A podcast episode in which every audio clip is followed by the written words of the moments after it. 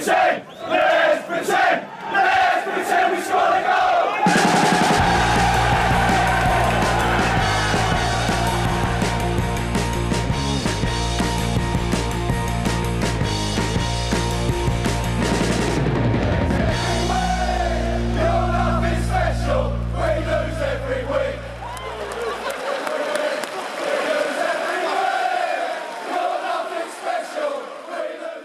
Ja, hjärtligt välkomna hälsar vi då till Sportbladets Premier League-podd. Eh, helt bortkopplade från Clubhouse den här gången. Ber om ursäkt till alla Android-användare och eh, late adapters som inte är med på det här tåget. Vi eh, kommer inte göra så mycket mer exklusiv, exklusivt där.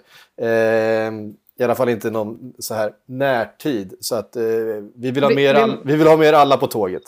Vi måste ta en paus redan. Ja. Ja, Jag är redan slut känner jag. Alltså det, det, jag, jag kan inte släppa den här Black Mirror-viben jag får av stället alltså. Jag kan inte släppa det. Ja, eh, för vem behöver intryck när man har Premier League? Eh, när vi tittar tillbaka på den här, Ja, det är helt sant faktiskt. den här Spot on. jävla helgen. Eh, fullständigt dränerad är jag ju såklart. Och alla Liverpool-supportrar tror jag hade haft 48 rätt så... Eh, det är, har det gått ens 48 timmar? Jag kan inte ens räkna. Men, men eh, det har varit någon slags, någon slags eh, uppvaknande till en ny verklighet. Eh, där Liverpool faktiskt inte är, är eh, med i ett titelrace längre. Eh, långt ifrån favoriter, vilket man på något sätt har varit de senaste två åren. Och känns som att man har varit favoriter i, de flest, alltså i stort sett alla matcher man har spelat. Eh, där befinner sig inte Liverpool längre, för vi får väl ta och börja med det mötet då på Anfield mellan Manchester City och Liverpool.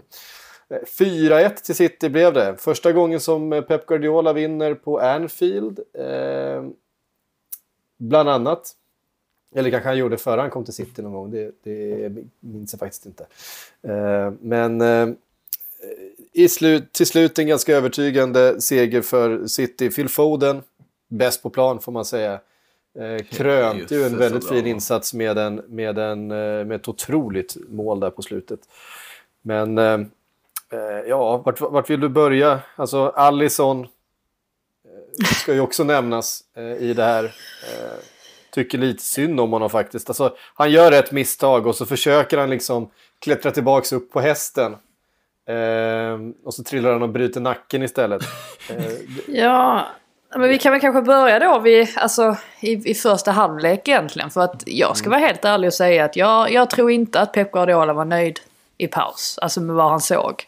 Tvärtom så tyckte jag att även om City började ganska så, ja men pikt så som man hade föreställt sig att de skulle göra, att de hade mycket boll och sådär så var det ju Liverpool egentligen som tog över ganska mycket efter ett tag. Eh, tyckte inte riktigt att hans taktik föll speciellt väl ut. Valde ju Sinchenko framför Laporte, vilket var lite överraskande. Man tänkte sig att han kanske skulle prioritera defensiven lite mer. Tyckte inte att Gündogan var bra och då syftar jag inte enbart på straffen som han sköt högt över. Eh, utan tyckte överlag att han var lite slarvig, han kom inte riktigt till sin rätt. Den enda som egentligen alltså, stack ut i City var ju faktiskt eh, Foden. Som eh, ja, men kom fram bra där i, på mittfältet vid något tillfälle när han spelar fram någon boll till Mares. Som man ändå såg att han var med i matchen. Men som sagt, jag, jag, jag tror inte att... Jag tror inte Pep var nöjd och det, det såg man ju också sen efter paus när han ändrade formationen. Puttade fram eh, Foden eh, ännu mer. Och eh, det föll ju verkligen väl ut. Helt plötsligt så kunde ju City kontrollera matchen på ett, på ett helt annat sätt. Ehm, just genom det här 4-2-3-1 uppställningen. Bernardo flyttade också fram. Gündogan sjönk lite djupare, kom betydligt mer till sin rätt där också. Så att, ehm, sen är det klart att siffrorna springer iväg. Det är ju baserat mycket på individuella misstag i, i Liverpool, precis som du är inne på där med Allison och så. Ehm, det är klart att Sterlings mål också, eh, ja, alltså med bättre försvarare så kanske de hade lyckats stoppa honom där. Alltså vet du, Trent får mycket skit för, sin, eh, ja, för sitt försvarsspel vid det tillfället. Tyckte det var synd för ärligt talat så gör han ändå en hyfsat bra match fram tills det börjar gå ut för det ordentligt. Ehm, så att City vinner ju rättvist och jag menar precis som vi var inne på, Phil Foden har ju en, en helt enorm match där han är alltså, inblandad på alla sätt och vis och så otroligt aggressiv i sitt pressspel och, och har liksom noll problem av att möta Fabinho. Ehm, det man blir mest förvånad över egentligen, tycker jag, är att Liverpool så fort de hamnar i underläge så känns det aldrig riktigt som att de kommer att lyckas vända det resultatet. Och det är ju den största skillnaden egentligen på det Liverpool vi ser nu och Liverpool för förra säsongen. Då Verkligen. var de ju de här mentala monstren och det är de ju inte längre. Nej, vi var inne på det redan i, i förra veckan ju. Eh, att eh, det, det, det är den största förändringen som man ser. Alltså förutom att, att man saknar en del spelare och att det såklart inte ser likadant ut spelmässigt. Utan eh, några av de här så, så är det just det mentala som ser ut att... Eh, ja, det ser inte lika, lika starkt ut helt enkelt. Ja. Eh, Alltså jag tänker situationen med Allison. eh, Såklart, han gör ju det otroligt dåligt. Han ska göra det bättre och det är ju något... eh, Det finns något typiskt i på något sätt att han lyckas göra de här missarna just i den här matchen. Att det blir på något sätt så pass symboliskt känns det som för det här. Ja, Jag vet inte om man ska kalla det framgångsgenom, jag vet inte om man ska kalla det slutet, jag vet inte vad man ska säga. Men att i alla fall symboliskt för en sån match där det blir så otroligt tydligt att Manchester City är den stora liksom stormakten i Premier League här och nu.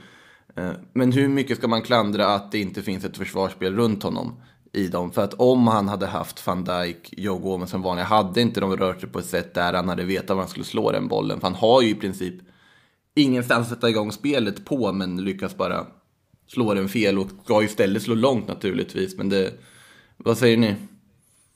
Sen kan jag, ty- jag kan tycka att varför passar de tillbaka bollen till honom så tätt inpå att han har gjort ett misstag? Det, det tycker igen, jag är... försök igen, kom tillbaka in i matchen. Liksom.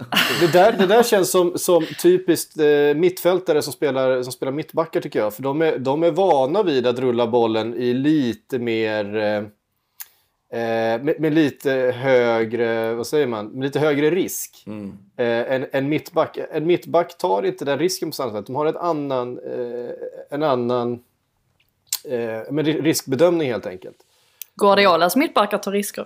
Ja, det gör de ju absolut. De spelar... Eh, och och det, har, är de rätt kända för dessutom. Men jag tycker det Straffar känns, sig ibland. Ja, det gör det ju. Och, eh, Eh, men jag tycker ofta man ser det när, när mittbackar går ner och spelar, eller vad säger när mittfältare går ner och spelar mittbackar. Att de spelar med en annan risk i passningsspelet. Eh, helt enkelt för att de, eh, de har den, de tycker liksom inte att eh, det där är väl ingen konstig passning att slå. Eh, men som mittback så, eh, man vet ju att en, en eh, van Dijk spelar ju väldigt sällan speciellt riskabelt passningsspel. Han gör ju inte det. Han slår ju, han slår ju långt. Eh, hälften av gångerna han, han slår iväg bollen känns som. Eller rullar väldigt enkelt ut på ytterback. Eh, det är väldigt sällan några, några eh, högriskpassningar därifrån. Nej, sen går det ju inte att hamna så på hälarna som de gör där. Alltså, Nej, det, det är klart, det, det, det, finns, det, det är ju många, många som går bort sig vid, vid de där situationerna. Det är ju inte bara Alisson. Men det är klart Jag tror att förresten han som att jag sa- situationerna.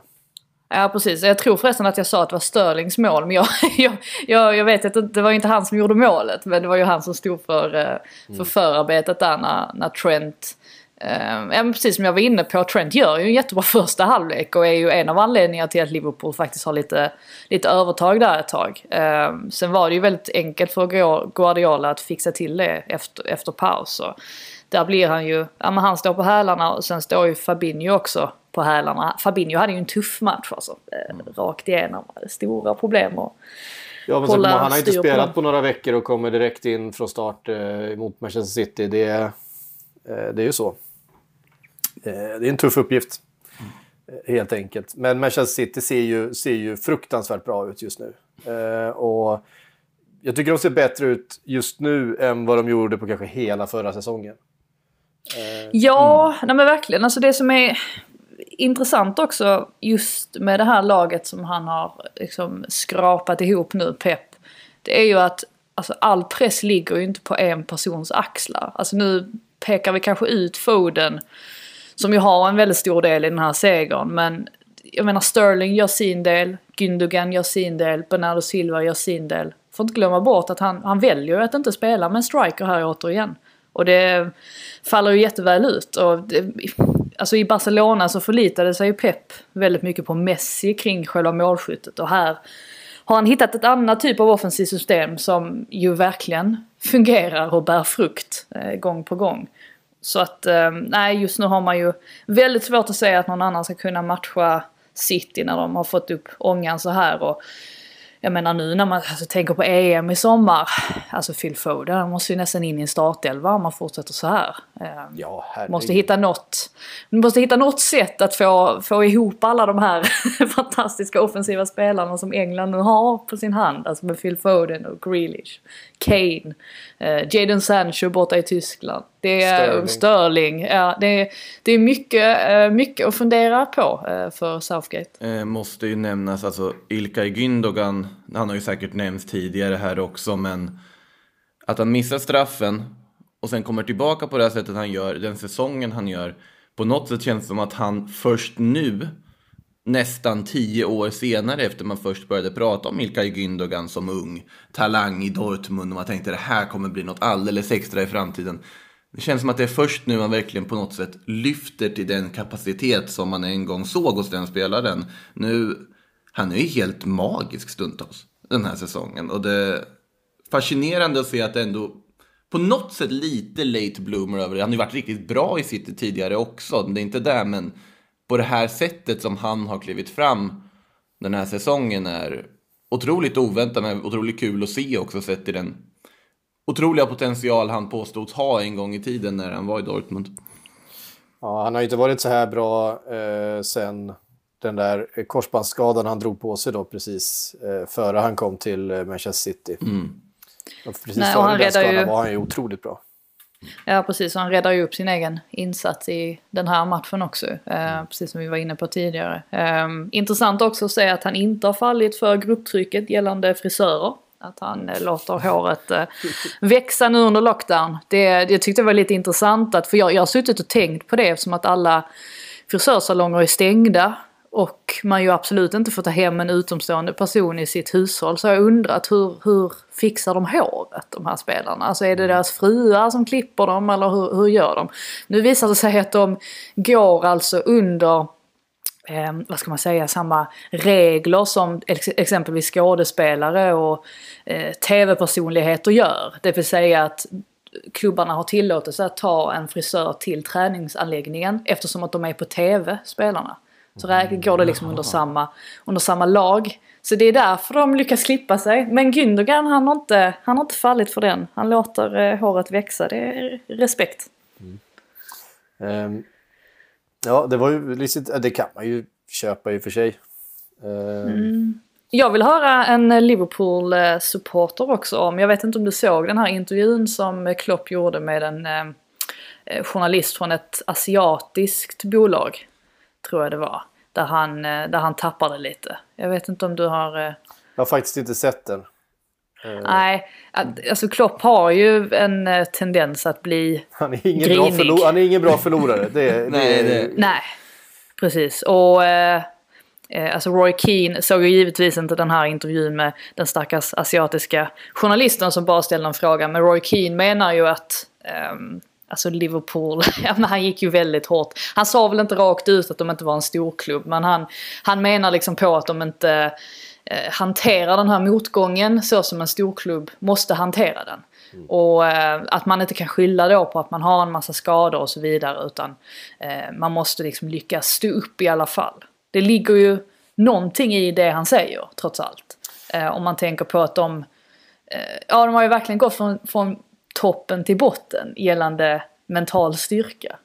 Ja, precis. Nej, men det, det har ju varit en, eh, en eh, svaghet hos, hos Jürgen Klopp alltid. Att han, att han har svårt att... Eh, svårt att eh, liksom behålla värdigheten i motgång. Det, är ju, det var han ju känd för även i Tyskland. Alltså vi minns ju, vi minns ju alla bilderna när han, när han såg ut att han skulle liksom mörda en fjärdedomare där i Champions League under tiden som Dortmund-tränare. Eh, allt det där, alla de här utspelen och, och hans, hans eh, dåliga förlorar eh, mentalitet har ju liksom ofta överskuggats av hans liksom, ganska liksom, sådär, glada, bullriga, öppna personlighet annars när han, när han inte står eh, som förlorare vid sidlinjen eller i en, eh, i en intervju. Men eh, också för att han är, helt ärligt i, i sitt liv inte eh, så ofta har stått på den sidan. Men där är han ju, har han ju lite kommunikationsmässigt att jobba på. Det kan man ju eh, slå fast. Men, men vad tycker du att de borde göra alltså rent, om man tänker laget? Alltså vad, vilka spelare borde man satsa på nu då? Eh, jag tyckte bäst i Liverpool i den här matchen var ju Curtis Jones. Eh, Mm, det, är en, det är en spelare som verkligen har vuxit den här vintern. Eh, bolltrygg, upp, alltså påhittig. Han har ju eh, ett passningsspel som är alltså, helt fenomenalt. Eh, han, han har bra självförtroende och jag menar, han är född 2001 liksom, så det, det är klart att det är en, det är en kille man ska satsa allt, allt man äger och har på. Ehm, annars så, så tror jag att eh, det gäller att få in någon av de här mittbackarna tillsammans med Fabinho och, och försöka få upp Henderson i mittfältet igen. Eh, det känns som att eh, ah, tycker Wijnaldum ser inte så eh, pigg ut. Det blir väldigt mycket trampa boll, spela sidled. Han tillför inte så mycket energi. Eh, Thiago har inte riktigt hittat någon, någon jättebra roll än så länge på mittfältet. Eller snarare är det väl så att, att Klopp inte hitt, riktigt har hittat en bra roll åt honom och, och formerat det där mittfältet på ett sätt som där man verkligen får ut hans, hans eh, styrkor utan att eh, exponera hans svagheter, vilket ju ofta blir när han, han måste ta ett väldigt stort defensivt jobb och det, han är inte speciellt bra på det helt enkelt. Han, alla hans styrkor ligger i offensiven. Eh, plus att han, han arbetar hårt när han täcker ytor, men han är väldigt dålig i duellspelet. Och som mittfältare i det liksom Klopps grundsystem så är det väldigt mycket dueller. Det är väldigt mycket eh, in, eh, blockera, vinna boll, eh, tackla, eh, hjälpa dina ytterbackar och så vidare. Och där, eh, där är han bara faktiskt inte tillräckligt bra tycker jag, eh, Thiago.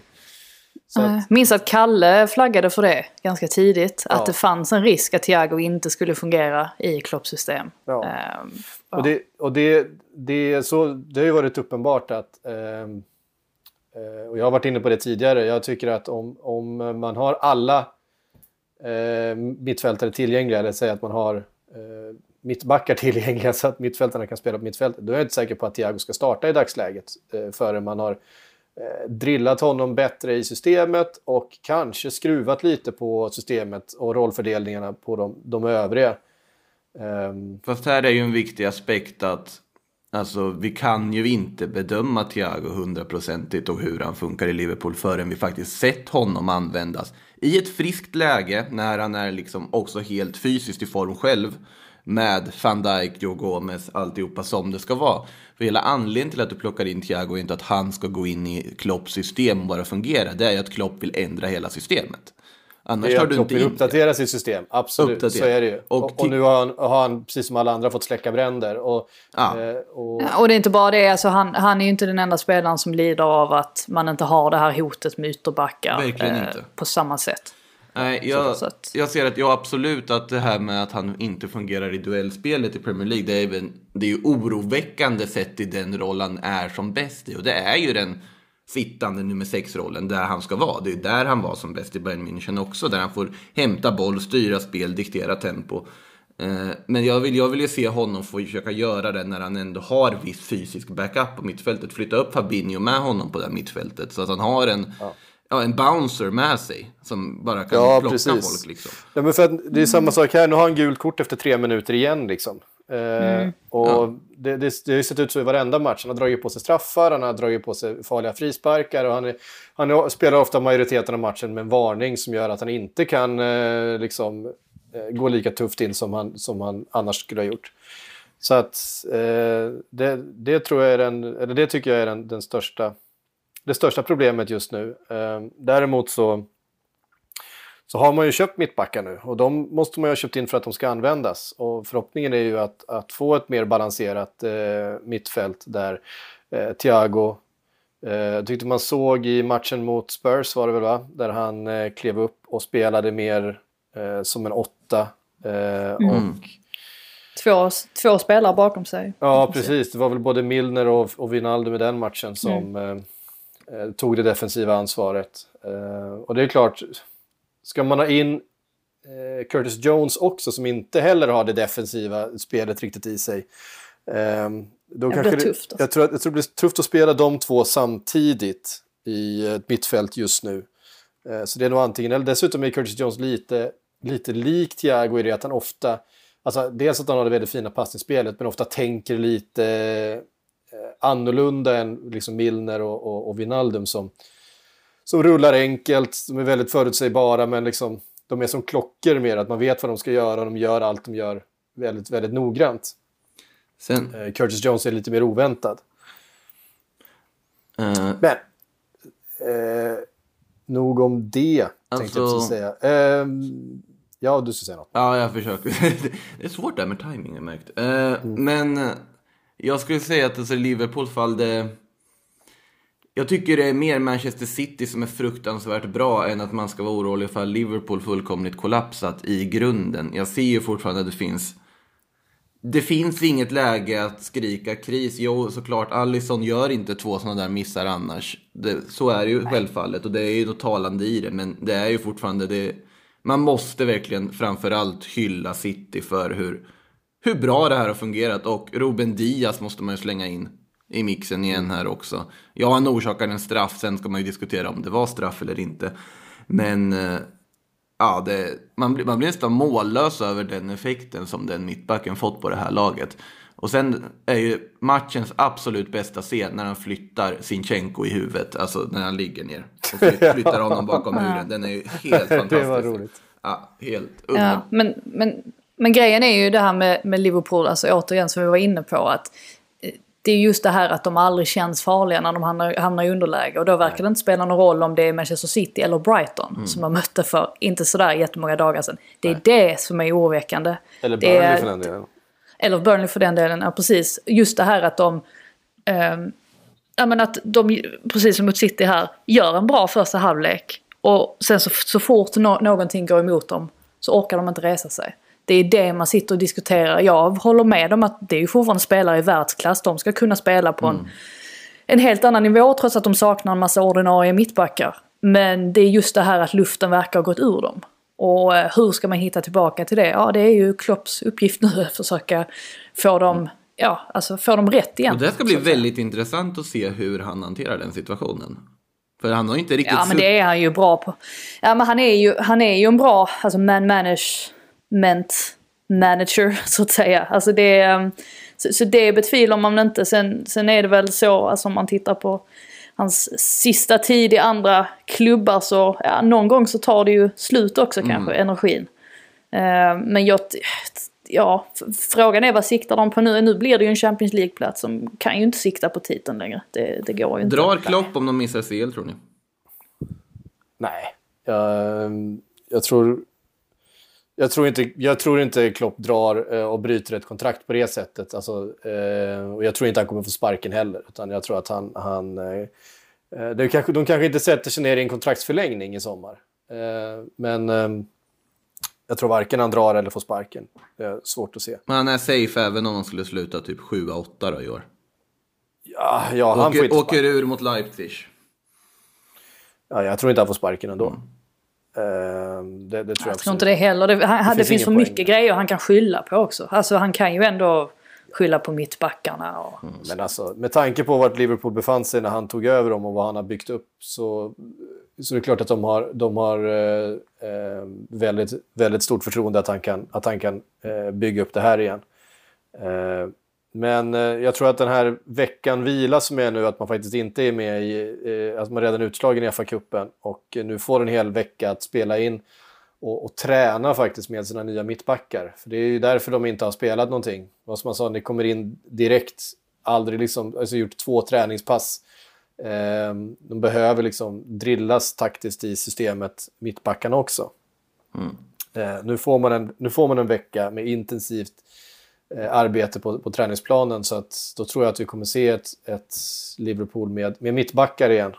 Eh, får se vad det kan ge. Manchester City. Eh, svårt att se någonting som, som hotar dem om ligatiteln nu, inte minst med tanke på att Manchester United tappade poäng i sista, sista, sista sekunden av den fotbollsmatchen. Helt Alltså, otroligt. ja, alltså, det, alltså att, de, att de tappar den trean är ju, är ju verkligen galet. Jag, jag stängde alltså av den matchen när det var fyra tilläggsminuter. Klockan stod på 93.40 tror jag. Och Godfrey fäller Cavani utanför Manchester Uniteds straffområde. Och jag här, okej, där är det ju slut.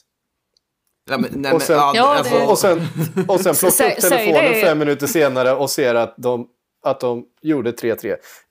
Säg, säg det till mig som satt och skrev krönika. Tror du det var, tror det var mysigt att få den? Oh, den är inte rolig. Som ska lämnas på slutsignal. Det gjorde den inte kan jag Nej, säga. Eller det nej. gjorde jag inte. Det roligaste var också att inför den här matchen så eh, hade jag eller hjälpt till med eh, en artikel i The Athletic om eh, Robin Olsen. Och, och tänkte när jag skrev, eh, eller skrev, nej, men när jag Ja, när, när jag gjorde det så tänkte jag just det här att nu, nu är jag framme igen, nu kommer jag jinxa honom. Alltså han kommer göra någonting nu som, eh, ja, som tar ner honom på jorden igen och alla oss andra också. Eh, och, och det visade sig att han skulle göra det. För det var ju så man hade, eller så jag i alla fall hade målat upp den här matchen. Det var ju en liten svensk duell ändå mellan Victor Lindelöf och, och Robin Olsen då som fick eh, chansen igen. Eh, men det var ju en väldigt det var ju inte särskilt välspelad match så tillvida. Det var ju en väldigt underhållande match sett till hur den, hur den slutade sådär och sp- Verkligen. spänningsmässigt. Ehm, man får ju säga att Ancelotti, han har ju fått taktiken galet ett par gånger under säsongen. Eh, Den här gången tyckte jag inte att han fick det, men det var inte som att han spelare...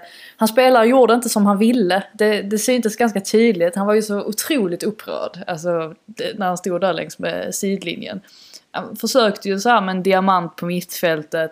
Richarlison och Calvert-Lewin då som kröp nära varandra i anfallslinjen. Och så Chamez där bakom som skulle stå för det kreativa och Tom Davies som defensivt ankare och sen så skulle man förlita sig på att Dinj kom löpande på sin vänsterkant och breddade. Alltså det hade kunnat funka men det gjorde inte riktigt det under första halvleken. Och en av förklaringarna var säkerligen att Everton slarvade dels, alltså rent individuellt, många bortslagna passningar. Chamez var aldrig riktigt med i matchen. Um, det var åtminstone en handfull gånger som han hade kunnat sätta en boll eh, i djupled mot Richarlison till exempel. Men jag vet inte, Chamez såg lite, lite sliten ut och sen så gör ju United de här två otroligt högkvalitativa målen får man säga. Alltså med Rashfords inlägg till Cavani, alltså det är ju, det är ju helt, det är ju magi, alltså vilken precision. Eh, otrolig kvalitet på det inlägget. Och Cavani, visst han missade någon, något hett läge där mot Arsenal men i övrigt så gör han ju nästan alltid mål när han hamnar i, i den situationen. Så där kunde man inte lasta Ulsen. Och man kunde inte direkt lasta Ulsen heller för Bruno Fernandes helt sjuka skott egentligen. Alltså det är ju en, jag tycker det är ett av säsongens mål. Han står ju i princip nästan stilla, han flyttar bollen lite och drar till dem på det sättet den bara dalar in bakom Ulsen. Det var, eh, ja det, det var ju faktiskt, eh, eh, det var inga dåliga mål helt enkelt som eh, Manchester United gick till ledning med i, i halvtid. Och där och då så, tro, så satt jag och trodde att matchen var över i princip. Och Man började klura på, på vinkel och sådär för krönikan. Det var då du stängde av matchen. Och kände, men nu är det klart liksom. Nu kan jag börja skriva som, i tur, lugn som tur är gjorde jag inte. Ja, som tur är gjorde jag inte det. Men eh, det, det, var, det var nära höll jag på att säga. Men så, sen så kollar man i minut 52 och så är det utjämnat. Och man tänker, ha, hur, hur gick det här till egentligen? Och det var väl dels att Everton började sätta de här lite rakare djupledsbollarna som man efterlyste i första halvleken. Och att Ducoré flyttade fram sin positionering, vilket han ligger ju bakom båda målen i princip. Och sen så det i kombination då med ganska taffligt målvaktsspel från de Gea. Eh, alltså, det är ju nästan så man börjar undra, alltså när man lyssnar på Solskjaer efter matchen under presskonferensen. Så alltså det är frågan om inte Dean Henderson bör, han kommer närmare i alla fall att eh, bli Solskjärs förstahandsval. Jag tycker att man kan läsa in det av det Solskjär satt och sa. Eh, ja, får skylla lite på försvarsspelet också generellt såklart. Eh, ja, så får man helt plötsligt två, två. Och eh, där och då tänker man, jaha, ja men det var ju en vändning på den här matchen. Och då kliver ju nästa svensk fram, höll jag på att säga, men då kliver Olsen fram och och ja, alltså ger bort det här 3-2 målet till McTominay. Det var ju en hyfsad nick, men han... Det ska ju aldrig bli mål där. Nej, han får ju inte halka i det läget. Han får inte göra det. Han har inte råd med det. Jag såg att det var någon som tyckte att jag var för hård mot honom och menade på ja men alltså det är ju ett, det är ju, det är ett ärligt misstag. Ja, men det spelar ingen roll alltså. Ska han, ska han, bli, ska han, ska han bli nummer ett alltså, gentemot Jordan Pickford så måste han göra varenda match alltså fläckfri. Uh, måste gå felfri genom hela matchen. Och det gör han ju inte här. Och just därför så får man ju se det som ett, ett misslyckande ändå. Ehm, även om jag förstår att det kan hända den bästa att man halkar till. Det får inte hända honom. Och där tänkte man ju också att oj, nu kommer alla lägga skulden på Ulsen. Nu kommer alla komma ihåg den här matchen som matchen där svensken gjorde ett, ett misstag så att United fick med sig 3-2. Och då ja, blir det ju som, som det blir där med Calvert Lewin som eh, dundrar in segermålet. Så skönt för Olsens del. Inte lika skönt för United såklart. Uh, nu blir det ju väldigt tufft alltså när man ligger hela fem poäng bakom City och City som dessutom har en match mindre spelad. Det, det blir tufft med att, att ta en titel nu i alla fall. Det så mycket kan man ju säga. Jag tycker den här Olsen-missen är så svårdefinierad. Alltså jag håller med dig Frida om att det måste verkligen vara fläckfritt för att han ska peta Pickford med tanke på den alltså position som ändå Jordan Pickford har trots att han ändå gör sina misstag och inte känns helt säker. Men då måste också Olsen visa att jag kan erbjuda någonting annat. Den här, det här 3-2 målet känns ju som någonting som Jordan Pickford skulle kunna släppa in på det där sättet. Men det, det är så Ja, alltså jag frågar... Ja. Jag frågade en, en målvakt faktiskt, alltså på, på hög nivå, om det där. Alltså för jag ville veta, är, är det ett misstag? Ja. Alltså hur, hur mycket ska man lasta Olsen? Och han tyckte, ehm, han tyckte ärligt talat att eh, det är Olsens fel. Alltså visst att han halkar men han sa det att att han, han tyckte att Olsen liksom hade balansen eh, på fel fot i princip. Att eh, han ska inte kunna halka där, menade han på. Eh, jag tycker alltid det är, det är skönt att alltid höra av sig till någon som, som har målvaktsbakgrund för att det är rätt ofta man eh, jag tror dels att det är rätt ofta att experter till exempel lägger eh, mycket större skuld på en målvakt än vad de borde göra. Men det kan ju även vara tvärtom att man kanske urskuldar vissa grejer som eh, ja men kanske är så här basic misstag.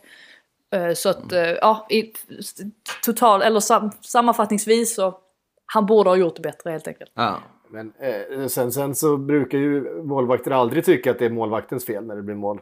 Eh, så det var ju intressant att han faktiskt tyckte det. det då är det ju en större Mm. tavla än, än, eh, än, vad, vad man först kände. Eh, Även målvakter eh, som brukar vara väldigt förlåtande mot andra Ja målvakter. precis. Sen är det ju så här att målvakter är ju inte riktiga fotbollsspelare. Eh, Oh. Så att det blir ju svårt. Vad var detta för attack?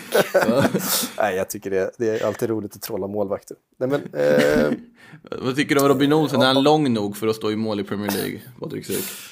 ah, det är väl gränsfall va? Jag vet faktiskt inte hur lång Robin Olsen är. Eh, Ja men han är lång. Han, är, han, han, han, han ser ju hyfsat lång ut. Han har ett Ja, långt utseende. Jo, det har han. Fast alltså den där, det där tabben. Eller ja, man, vi får väl kalla det, vi kan väl besluta att det är en tabbe liksom till och grund. Men alltså, där får han ju sig själv att se kort ut. Han är, han är jättelång. Han är 1,96. Ja, han är en ja, utmärkt tänkte- längd på en målvakt. Så det är otroligt akrobatiskt att lyckas inte rädda den när han räddar, alltså slänger sig där. Alltså att liksom få plats mellan då marken och bollen i det här läget. Liksom att inte få ut armarna längre än vad han får. Intressant. Nej, men det är, jag har en kompis som alltid brukar hävda det, att varför, varför eh, målvakter inte är fotbollsspelare. För att det, det, de, en fotbollsmålvakt har mer gemensamt med en handbollsmålvakt än med en utespelare i fotboll. Ja. Ja, Jag, jag, jag skriver inte under Det på den här eh, sågningen. Jag vill inte bli en del av den. det är får, får du Måste stå vara- för Sy. Alltså, För arga mejl. Jag, eh, det, är bara, det, det är roligt, att- roligt att trolla lite. Ehm, på tal om att trolla. Harry Kane rakt in i startelvan. Den såg man fan inte komma. Fantasyspelare eh, runt om. Jävla- jävla Mourinho, alltså. Ja. Jag, jag, kan, jag kan tänka mig att Gareth Southgate blev ganska nervös när han såg detta. För han, han var nog orolig att Kane kanske inte är riktigt, ehm, ja, riktigt så hel som han borde vara. Men å andra sidan så var det ju ingen, det var ingen muskelskada den här gången. Va? Det var ju bara eh, vristerna. Eh, eller vad säger man? Nej, fotlederna. Oh, Det är fotlederna, men det är de man alltid har problem med. ju. Ja, precis. Men eh, ja, vi får väl, får väl hoppas att han var helt hel. Det såg i alla fall ut så. Kanske inte under första halvlek. Han missar ju ett par lägen där. Men eh, sen visar han ju definitivt att det här är Harry Kanes lag som Pep Guardiola sa en gång. Och eh, Mourinho fick ju fråga om det också efteråt. Och förnekade inte att, att Harry Kane är väldigt, väldigt mycket Spurs. Och vad händer då när Harry Kane är tillbaks? Eh, ja, men då hittar vi två målskyttar i protokollet. De heter Harry Kane och Jung Son. Ja, det, Ja. det är fascinerande. Alltså, Det går att ställa klockan efter den skiten alltså. Det är, det är helt otroligt. Eh, måste bara tillägga att jag har aldrig tänkt på att vrist och wrist är två olika kropp, alltså, kroppsdelar. Det var någon så här, ja just det, det är det ju. Men eh, i alla fall, är det är otroligt viktigt för Spurs. Ändå att, att Kane är tillbaka så att det får den effekten, liksom den här klockeffekten när man får de här tre poängen. Men samtidigt, det är lite oroväckande i sig att, det visste vi ju alla att Tottenham är beroende av Harry Kane. Men så är beroende. Alltså att det, det verkligen är så tydligt hur viktig han är när han bara kommer tillbaka och saker funkar igen. Att de är så pass sårbara och så pass otroligt beroende av individuell prestation. Och då bevisligen inte bara, inte både Harry Kane och Hyun Min Son utan i princip bara Harry Kane. För att det är inte som att Son direkt rosat marknaden när Kane var borta heller. Det är kanske svårt att dra allt för långdragna slutsatser utifrån så pass få matcher som det ändå blev nu som Kane var borta. Men nej, det är både imponerande och oroväckande på samma gång tycker jag. Ja men det är ju för att han har en sån roll som det är ju så svårt för någon annan att gå in och ersätta honom eftersom att han gör så himla mycket. Just det här med att han dels gör en massa mål men också droppar ner djupt och är en sorts, playmaker till Son. Alltså en sån spelare som han behöver. Ehm, ja, alltså det blir... Han, gör, han, han har så många funktioner på en fotbollsplan. Eh, så att just därför så är det väl främst därför han det blir så tydligt när han saknas. Um, sen kan man ju, ja om man ska säga någonting om West Brom också här så fick oerhört mycket ros för sitt försvarsspel under första halvleken. Men jag tyckte ärligt talat att de släppte ju till ganska många chanser. Um, ja, alltså jag tror ju minst, alltså Tottenham måste ju ha haft minst tre skott på mål till exempel. Så att det var ju inte det var ju inte sådär eh, jättebra. Eh, så att det, det var ju inte förvånande att de förlorade den här matchen. Och nu får vi väl se det som att Allardyce inte kommer lyckas med sitt uppdrag här att hålla dem kvar. och kommer åka ur en liga för första gången i karriären. Det är... Blir det första gången? Eh, ja, jag tror det. Jag tror aldrig han... Det har väl varit hans signum att han aldrig har åkt ur tidigare. Är det då liksom slutpunkten på den här Big Sam-obsessionen som finns hos alla klubbar som är på väg att åka ur? Är liksom troll, alltså förbannelsen bruten Säkert eller liksom inte. troll, ja. Nej, någon hittar säkert in och plockar honom igen förr eller senare. Så är det säkert. Känns det ju helt avgjort där nere verkligen. Alltså, Ja, Alltså det är ju... Eh, det är ju tyvärr så. Ehm, att Tyvärr. ja, det, Ja, det, är det, väl man man vill ju ha en bottenstrid som lever.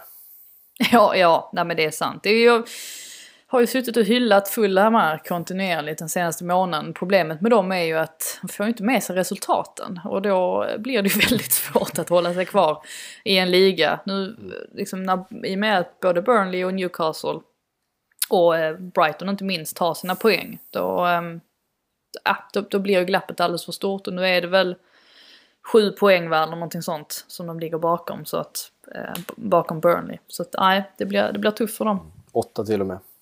Åtta till.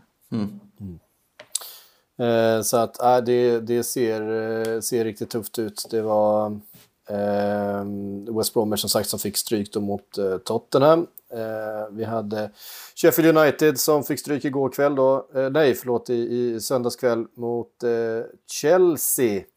Eh, 2-1 efter eh, mål av Mason Mount igen. Eh, han, är, han fortsätter vara viktig eh, för det här laget även om man har bytt tränare och man eh, liksom, hela tiden har varit inne på att det är, liksom, det är Lampards kille mest och så fort Lampard försvinner försvinner Mount. Men, Ja, nej, men nu, nu har vi väl förhoppningsvis hört det sista av det. Jag tror att de som inte var övertygade om Mason Mounts kvaliteter måste ha ändrat sig nu efter att Tuchel kom in och inte ens han kunde hålla Mason Mount på bänken han längre än försökte. 80 minuter. Han försökte, det försökte. gjorde han. Ja, men insåg sitt misstag ganska omgående. Eh, nej, men jag tycker alltså även om den här matchen Eh, det är klart att Mounts mål är ju, är ju helt fen- fenomenalt. Eh, alltså nästan lite esk på något sätt. Um, alltså ett avslut som borrar sig in vid Ramsdales vänstra stolpe. Um, blir det väl. Um, men jag tyckte annars att det mest intressanta med den här matchen var ju the rise of Werner. För att även om han inte gör något mål så ligger han ju dels då bakom själva målet och så ordnar ju även den här straffen då. Eh, som leder till att de tar med sig alla tre poängen. Och tyckte att han såg alltså, livlig ut överlag, tog mycket djupledslöpningar. Jag har pratat mycket om det här att han har sett osynkroniserad ut gentemot de andra i tidigare matcher. Nu tyckte jag att det stämde betydligt bättre.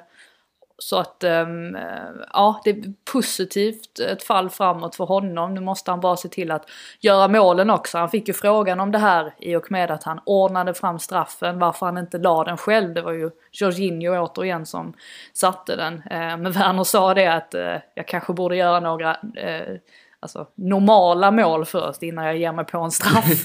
Så att det visar ju också att han kanske är lite ärrad. Han missade ju en straff i vad var det, FA-cupen va? Eller ligacupen, något av dem. Um, I Lampards sista match, hur som helst.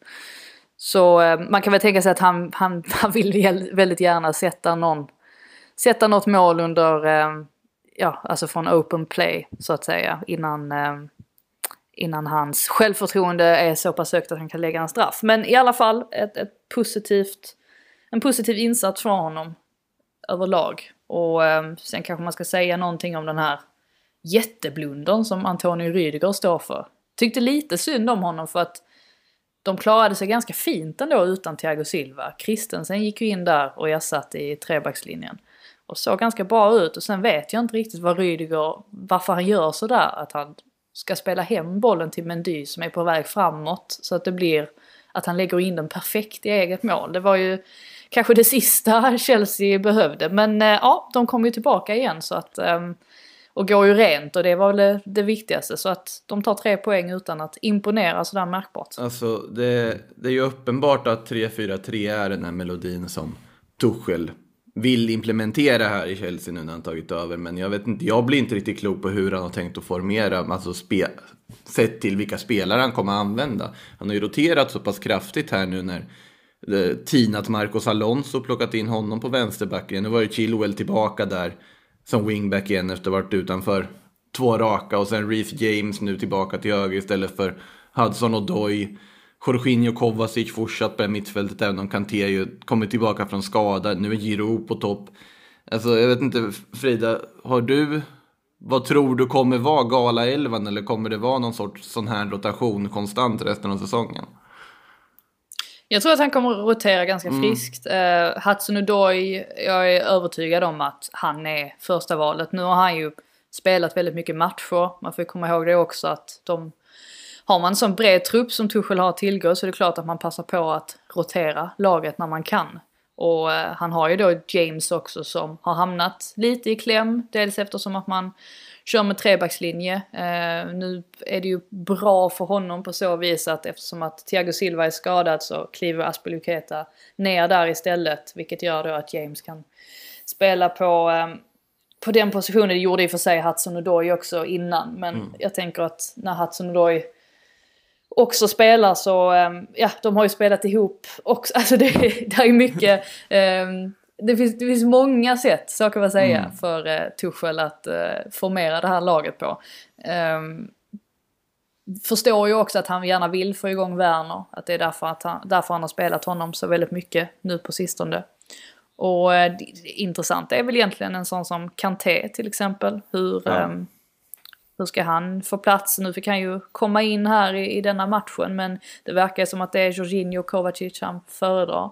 Det är intressant bara att han kör vidare på en trebackslinje för att det gjorde han inte i PSG. Jag tror att det var en av de få formationer som han inte använde sig av. Annars vet vi ju att han gärna experimenterar sett till motstånd och sådär och vad tycke och, och smak. Så att vi kommer nog få se många olika konstellationer skulle jag tro framöver. Mm. Mm.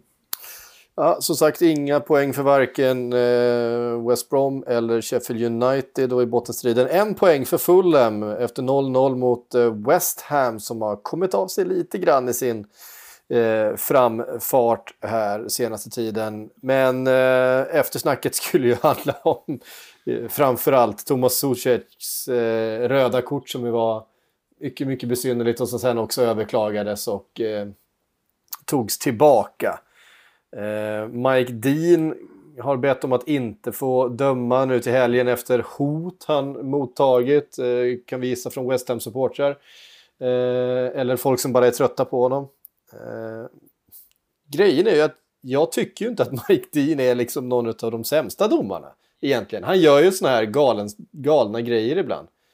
Eh, men eh, ja. Jag tycker framförallt i det här fallet så... Ja, alltså jag kan förstå att man lägger skulden på honom. Men vad Men gör man sätter VAR? sig in... Ja, exakt. Vad gör Lee Mason? Det är ju han som är ute och snurrar. Mm. För ni kan ju tänka er själv att om, om man sätter sig in i Mike Deans situation, man, eh, man ser en situation ske i realtid och eh, man avfärdar den direkt och tänker ja men det där var ingenting. Och sen så dyker någon upp i skallen på en i hörsnäckan och säger att nej, nej, nej, det där borde du titta på. Det där ser ut att vara ett rött kort. Och så går man bort och han tittar ju på situationen, vad är det, 30 gånger eller? Innan han eh, bestämmer sig. Och går tillbaka och håller fram det röda kortet. Han blir ju pressad på något sätt. För att om, om han inte väljer att visa rött kort där, då går han ju emot Lee Mason. Som sitter i det där rummet. Jag kan förstå ändå att man kanske blir, jag vet inte, att man får hjärnsläpp. Att han, ehm, ja för, för alla ser ju, alla ser att det där inte är rött kort. Alla ser att Zuzek, att han bara försöker ta upp armen och ha den lite böjd. Visst, eh, de, de nämnde på Sky i alla fall att att eh, Lee Mason antydde att han hade näven knuten. Och, att det var anledningen till. Ja, exakt. Lite så kände jag också. Och, Alltså, är det det som definierar och en det ska- armbåge, hur näven är? alltså, ja, tydligen för att då skulle det indikera att han, ja, att han gjorde det med vilje. Vilket jag, man förstod ju fortfarande ingenting efter att man hade hört den förklaringen. Så på det sättet så kan jag tycka att ja, Mike Dean gör jättefel. Men i det här fallet så kan man ju undra vad som försiggår i, i Lee Masons huvud. Alltså vad, hur, hur kan han se någonting som ingen annan ser? Det verkar ju verkligen som att eh, den där bollkänslan vi har pratat om hos domare är totalt bortblåst hos den som sitter i varummet. Det, det är så otroligt eh, letande och eh, i, bland regelboken och, och, och, och försöka hitta liksom någon slags märkliga överträdelser eller, eller eh, konstiga paragrafer som normalt sett inte hade varit i, i, i eh, effekt eh, ute på planen när man liksom följer en rytm och följer ett spel och, och, och ser situationer i en kontext. Allting bara lyfts ut eh, och, och blir jättekonstigt. Alltså det, det, jag tycker det är så ineffektivt och så jävla dåligt eh, Ja. som de hanterar VAR. Det är skönt att se i alla fall att det blev alltså, overruled. Eller Mm. att själva avstängningen är borta i alla fall. Jag eh, såg att hans röda kort kommer ju fortfarande stå kvar. Och han har aldrig fått rött kort tidigare i karriären, Zuzek. Så det, det känns lite synd att den nollan är. Är sprängd trots allt. Att det kommer att stå med i historieböckerna. Mm. Jag tycker ändå man borde säga någonting om det här också med att Mike Dean, det är ju framförallt hans familj som har fått ta emot hot eftersom att de finns på sociala medier och han finns ju inte själv på sociala medier. Det är ju, alltså det är ju någonting man har, det är ju, ja, det är ju någonting man har diskuterat jättemycket här de senaste veckorna. Eh, Främst då gällande spelare och allt, alltså all skit de får ta emot på sociala medier. Alltså någonstans måste man dra en gräns också. Jag har full förståelse för att man kan vara vansinnig efter att ha sett man- sitt lag förlora med en match eh, där man har fallit på ett domslut som kanske har varit felaktigt. Men snälla någon, ta er samman. Alltså man, Det finns man inga kan som helst inte skriva sådana grejer. Nej. Det finns, Nej, inga, finns det inte. inga som helst jävla ursäkter för sånt beteende i något sammanhang överhuvudtaget. Nej, det finns. Eh, och, och, Då måste man de som- titta sig själv som- i spegeln. om man, ja, men de, om som- de som håller på så måste, måste faktiskt, ja, inte bara titta sig själv i spegeln, de måste faktiskt eh, agera på sitt eget beteende. Därför att det där, är inte, det där är inte bra, det är inget som någon i någon del av samhället har utrymme för. Eh, så att det är bara att eh, det är bara Nej. skriva in sig på någon jävla klinik någonstans och skärpa till sig. Ja, och mot Sen alla- håller jag ju med dem. Ja. Ja, nej, jag tänkte bara säga att sen håller jag med om att domarnivån alltså, är ju på en katastrofal nivå ibland. Ehm, sen samtidigt så när man tänker efter, jag, liksom om man drar en parallell till allsvenskan. Det är ju kanske lite, ja det är en helt annan liga med en helt annan budget såklart och bör ju vara en helt annan nivå på domarna där också. Men alltså hur många rubriker är det inte efter allsvenska matcher där som bara handlar om hur dålig domaren är eller att domaren gjorde fel eller Ja. att domaren förklarar Eller sitt misstag. Spanien, här eller händer- Italien, ja. eller i Holland, eller i Frankrike eller vad som helst. Det är ju alltid, säg en bra domare då, men peka på en bra domare.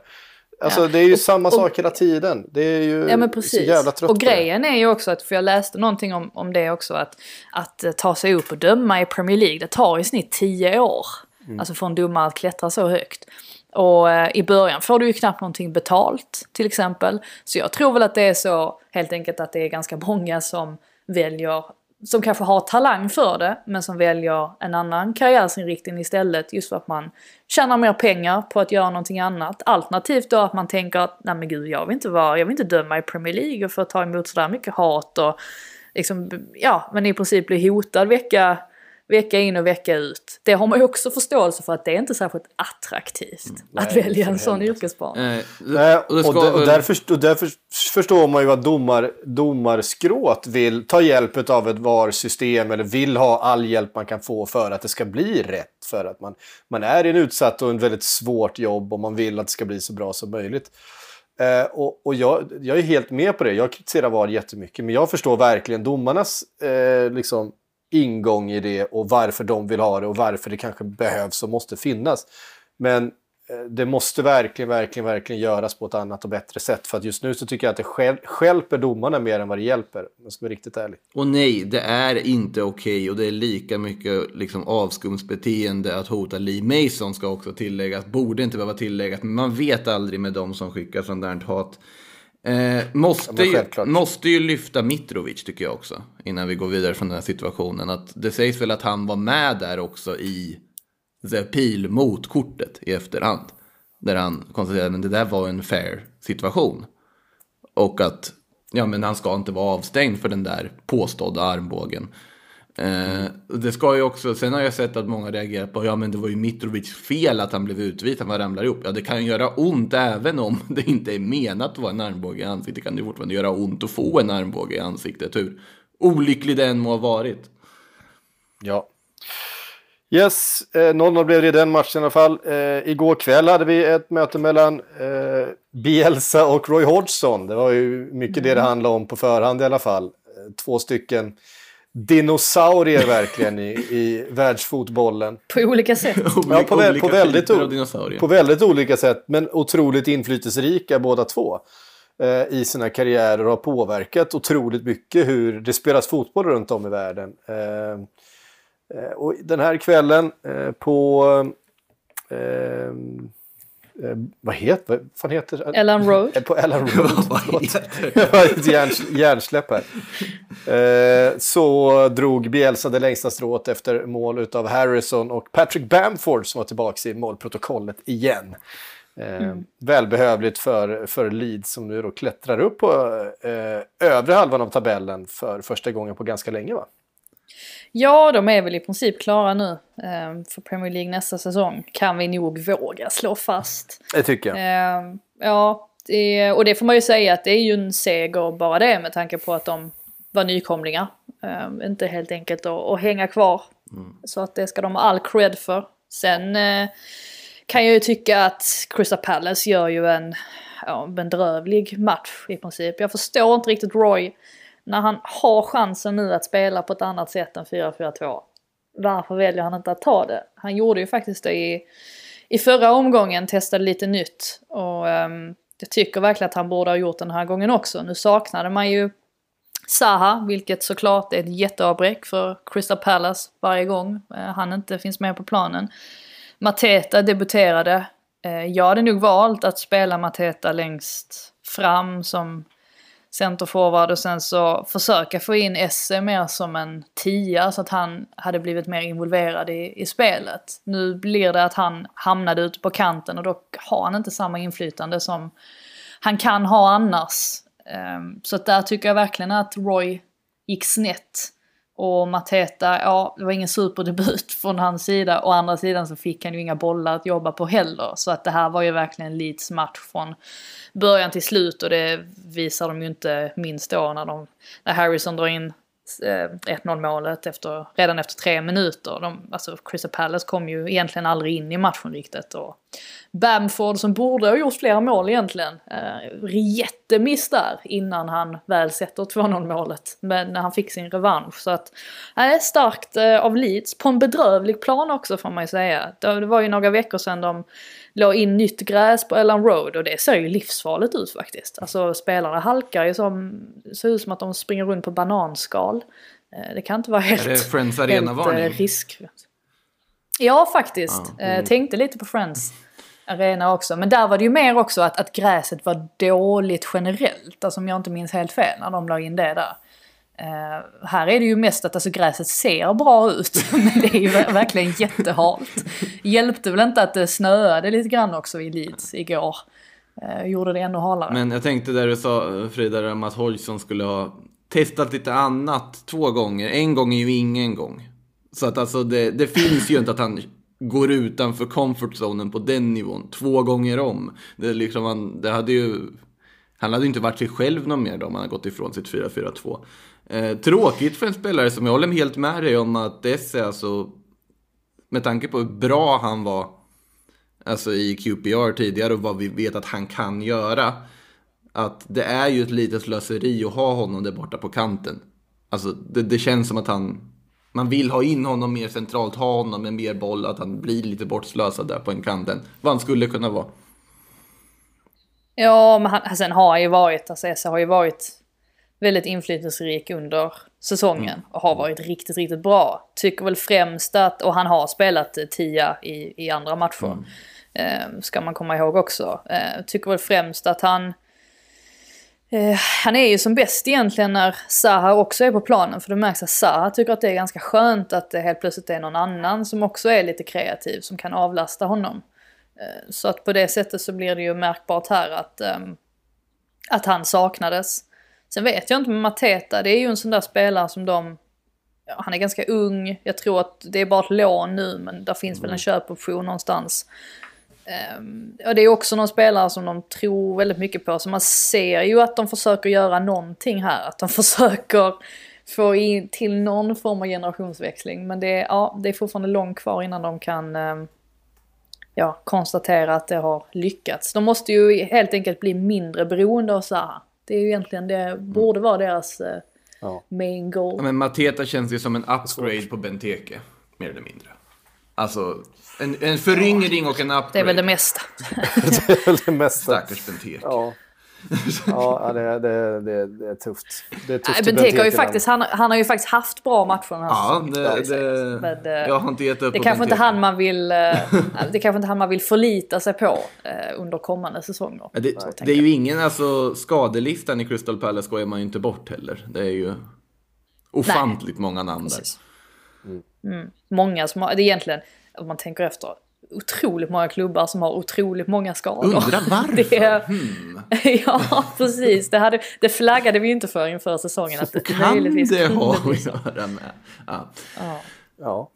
Nej, det, vi, det vi sa inför säsongen var ju att bredd kommer bli det absolut viktigaste, den viktigaste egenskapen i, i, eh, i trupperna. Och det, de som leder Manchester City är ju de som har överlägset bredast trupp, så är det ju. Ganska talande att de gör det utan Mm. Kevin De Bruyne skadad. Precis. Ja, Mm. precis.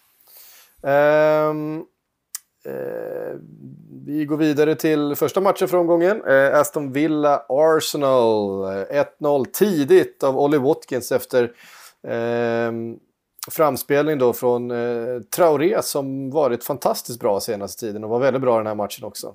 Otroligt oväntat. Ja, det är många. Ja, det är många som har varit bra den här säsongen i Aston Villa. Sen vet man ju, mm, så här är det ju med Arsenal. Släpper de in ett sånt mål tidigt då vet man att det kommer, eh, ja, det, det, det kommer ingen vändning. Eh, det gör det ytterst sällan i alla fall. Ehm, ja, ehm, man vet knappt vad man ska säga för att det är väl klart att Arsenal tar över matchen efter det här. mm, Såklart eftersom att de måste få till en kvittering och de bankar och bankar och försöker och skiftar runt och byter eh, kant på bollen och men det, det händer ingenting. En väldigt frustrerande insats från deras sida. Um, nästan glömt nästan förträngt den, inser jag nu. Uh, försökte glömma bort den kanske. Uh, men å andra, precis, uh, alltså Aston Villa återigen. Tre poäng för dem och det är ju, är ju fantastiskt att se ändå vilket, vilket bygge de har fått ihop på något sätt. Att de roterar ju väldigt lite, kör ju oftast, eh, kör ju oftast på samma startelva. Men trots det så så är de så otroligt solida. Jag tycker ju Maddie Cash till exempel gör en jättebra match. Och um, återigen, alltså hela den försvarslinjen har ju faktiskt varit otroligt stabil säsongen igenom. Mm. Och uh, nej, visar ju här då att får man bara in ett mål där i början så har de inga, inga jätteproblem ändå med att uh, hålla tätt bakåt. Även om det såklart, det blev ju stor, stort Arsenal-övertag mot slutet av, av naturliga skäl. Men uh, nej, det är inget mål. En liten, eh, ska man säga det, en liten... Eh, eh, litet farthinder på vägen då tillbaks eh, för Arsenal som ju sett fina ut och som har haft ett bra, en bra inledning på det här året. Men är det där vi ser det som? Ett litet farthinder snarare än att vi ska börja prata kris igen? Ja, det Jag tycker tror det, jag. va? Alltså- Ehm, alltså, vi- alltså jag, jag tycker väl här också så kan man ha lite invändningar kring bytena också, eller hur, hur Arteta skötte dem. Jag, jag tror inte att det var meningen till exempel att William skulle komma på för Partey. Ehm, men han blev ju tvungen att, att bytas ut och ja, då blev det, blev det lite, lite hippt som haft kändes det som. Och um, ja, det, det är svårt det där också för att alltså Aubameyang satt ju på bänken inledningsvis vilket man också kan ha förståelse för med tanke på att Arteta ändå såg att de gjorde en väldigt bra match mot Wolves fram tills allting gick åt helvete. Och att man då ville ge de spelarna chansen igen. Eh, sen borde kanske Aubameyang ha varit på planen från början. Man borde kanske inte ha plockat av Lacazette. Tyckte kanske inte att det var rätt val. Men ja, det, det, det föll, alltså det var ingenting som gick vägen här helt enkelt i, i den här matchen. Sen tycker jag väl ändå att, alltså det var inte så länge sedan de spelade riktigt bra, alltså mot Wolves. Så att um, man får väl se detta som någon sorts setback. Jag tycker inte man ska, man behöver inte dra så höga växlar ändå av det här. Det var en, det var en skitmatch från deras del, men ja, vad ska man göra? Och det bedrövliga tabelläget är ju fortfarande egentligen mest baserat på vad de sysslade med i höstas då det faktiskt var kris. Så att, eh, men det är ju på något sätt ändå oroväckande att när man ändå ser dem börja hitta tillbaka, att de får två sådana här förluster på rad här nu, att det fortfarande inte får de här resultaten de behöver och att de fortfarande just nu ligger på undre halvan av Premier League med den truppen de har. Det, det krävs nog inte många fler förluster innan vi, vi ska börja skrika om att Arteta ska lämna hit och dit igen. Känns det som med tanke på hur fort det går hit och dit också. Eh, vi har fått en från Axel Mattsson här. Eh, han undrar, har Frida sett dokumentären om Beirins skada? Nej, behövde man inte betala för att göra det? Jag, jag kände att det var något hinder som gjorde att jag inte, att jag inte har sett den än. Men jag kommer se den. Betala Definitivt. för Jag- medieinnehåll. ja, Nej, men jag, jag vill ju definitivt säga, eh, jag har bara läst citaten från Kieran Tierney eh, än så länge. Eh, om eh, hur mycket Beirin betydde för honom eh, under hans första tid i klubben. Jag vill gärna se det eh, live tänkte jag säga. Nej, men jag vill se det i rörligt format. Ehm, vi har eh, fått en massa frågor. Ehm, J. Albin 5 skriver eh, Visst slänger sig en riktigt modig målvakt ut och täcker Evertons trea innan eh, Calvert Lewin får skjuta. Gud, nu jag ju nästan, eh, nästan glömt hur målet gick till. Får komma ihåg det att jag satt och svettades här när... Eh, Ja, precis. Jag såg det ju inte ens i realtid. Jag ju bara... eh, Alltså, det Nej, är så... Man kan väl i alla fall det sammanfatta det, man kan väl sammanfatta det som att det sker, han kanske har pikat och är på väg. Jo, det utför nu. får man väl säga. Jag, jag koncentrerade mig mer på, på Maguires insats där. Ja, jag tänkte Ja, samma sak. fak- faktiskt jag också. Att han inte höll linjen. Ja. Ja, precis. Och, Det, mm, och, och då tänker man ju visst, visst en, en riktigt liksom mittback som är med i matchen står inte och skriker åt assisterande utan inser sitt eget misstag i ett sånt läge. Alltså, för att istället för att bry sig om Calvert Lewin stod ju han och vinkade åt assisterande som att det var den assisterandes fel att de släppte igenom det där med tafatt försvarsspel. Mm. Ja. Um, Max Svensson skriver. Eh, Är jag färgad eller finns det redan nu tecken som tyder på att Chelsea kan bli riktigt, riktigt bra under Tuchel? Känns som att det finns en väldigt, väldigt mycket tydligare idé nu än under Lampard. Var han kanske för grön trots allt? Ja, det kan man väl eh, slå fast att eh, Lampard inte riktigt var eh, byxad för den här uppgiften. Han var ganska väl lämpad för förra säsongens uppgift att eh, få ihop det här unga laget, eh, lite oerfarna laget, att, att sätta någon slags grund och, och vara eh, väldigt mycket en, en, eh, eh, en motivator och en farsa. Eh, sen att, som kravbilden ser ut den här säsongen, få ihop ett lag av superstjärnor med en massa spetsegenskaper som, som krävde liksom ett väldigt finstämt system för att få ut det mesta utav, utav spelare som Werner och Havertz och eh, Ziyech och, och, och så vidare. Det, det var han ju inte riktigt, men, men det känns spännande under Tuchel. ja, alltså jag reserverar mig ändå lite grann för att jag håller med. Jag tycker också att det har sett väldigt bra ut. Um, kanske inte, om man tänker insatsen mot Sheffield United i stort var ju inte 5 plus. Men just det här att de i alla fall får med sig resultaten. Ehm, att Tuchel försöker sig på lite nya roller för spelare som verkar pricka rätt. Typ Hudson och Doy då exempelvis.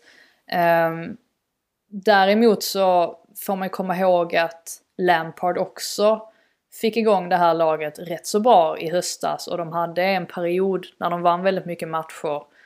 Hade väldigt mycket intensitet i, i, i sina insatser.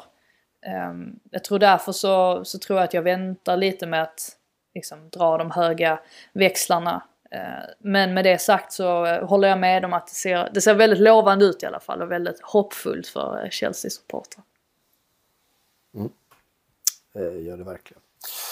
Eh, vet ni vad? Vi måste eh, ta oss vidare den här tisdagen. Eh, slutelvan tillbaks i slutet på den här veckan och Sportbladets Premier League-podd är tillbaks om en vecka igen. Tack Frida, tack eh, Makoto för att ni var med och tack alla ni som har lyssnat. På återhörande.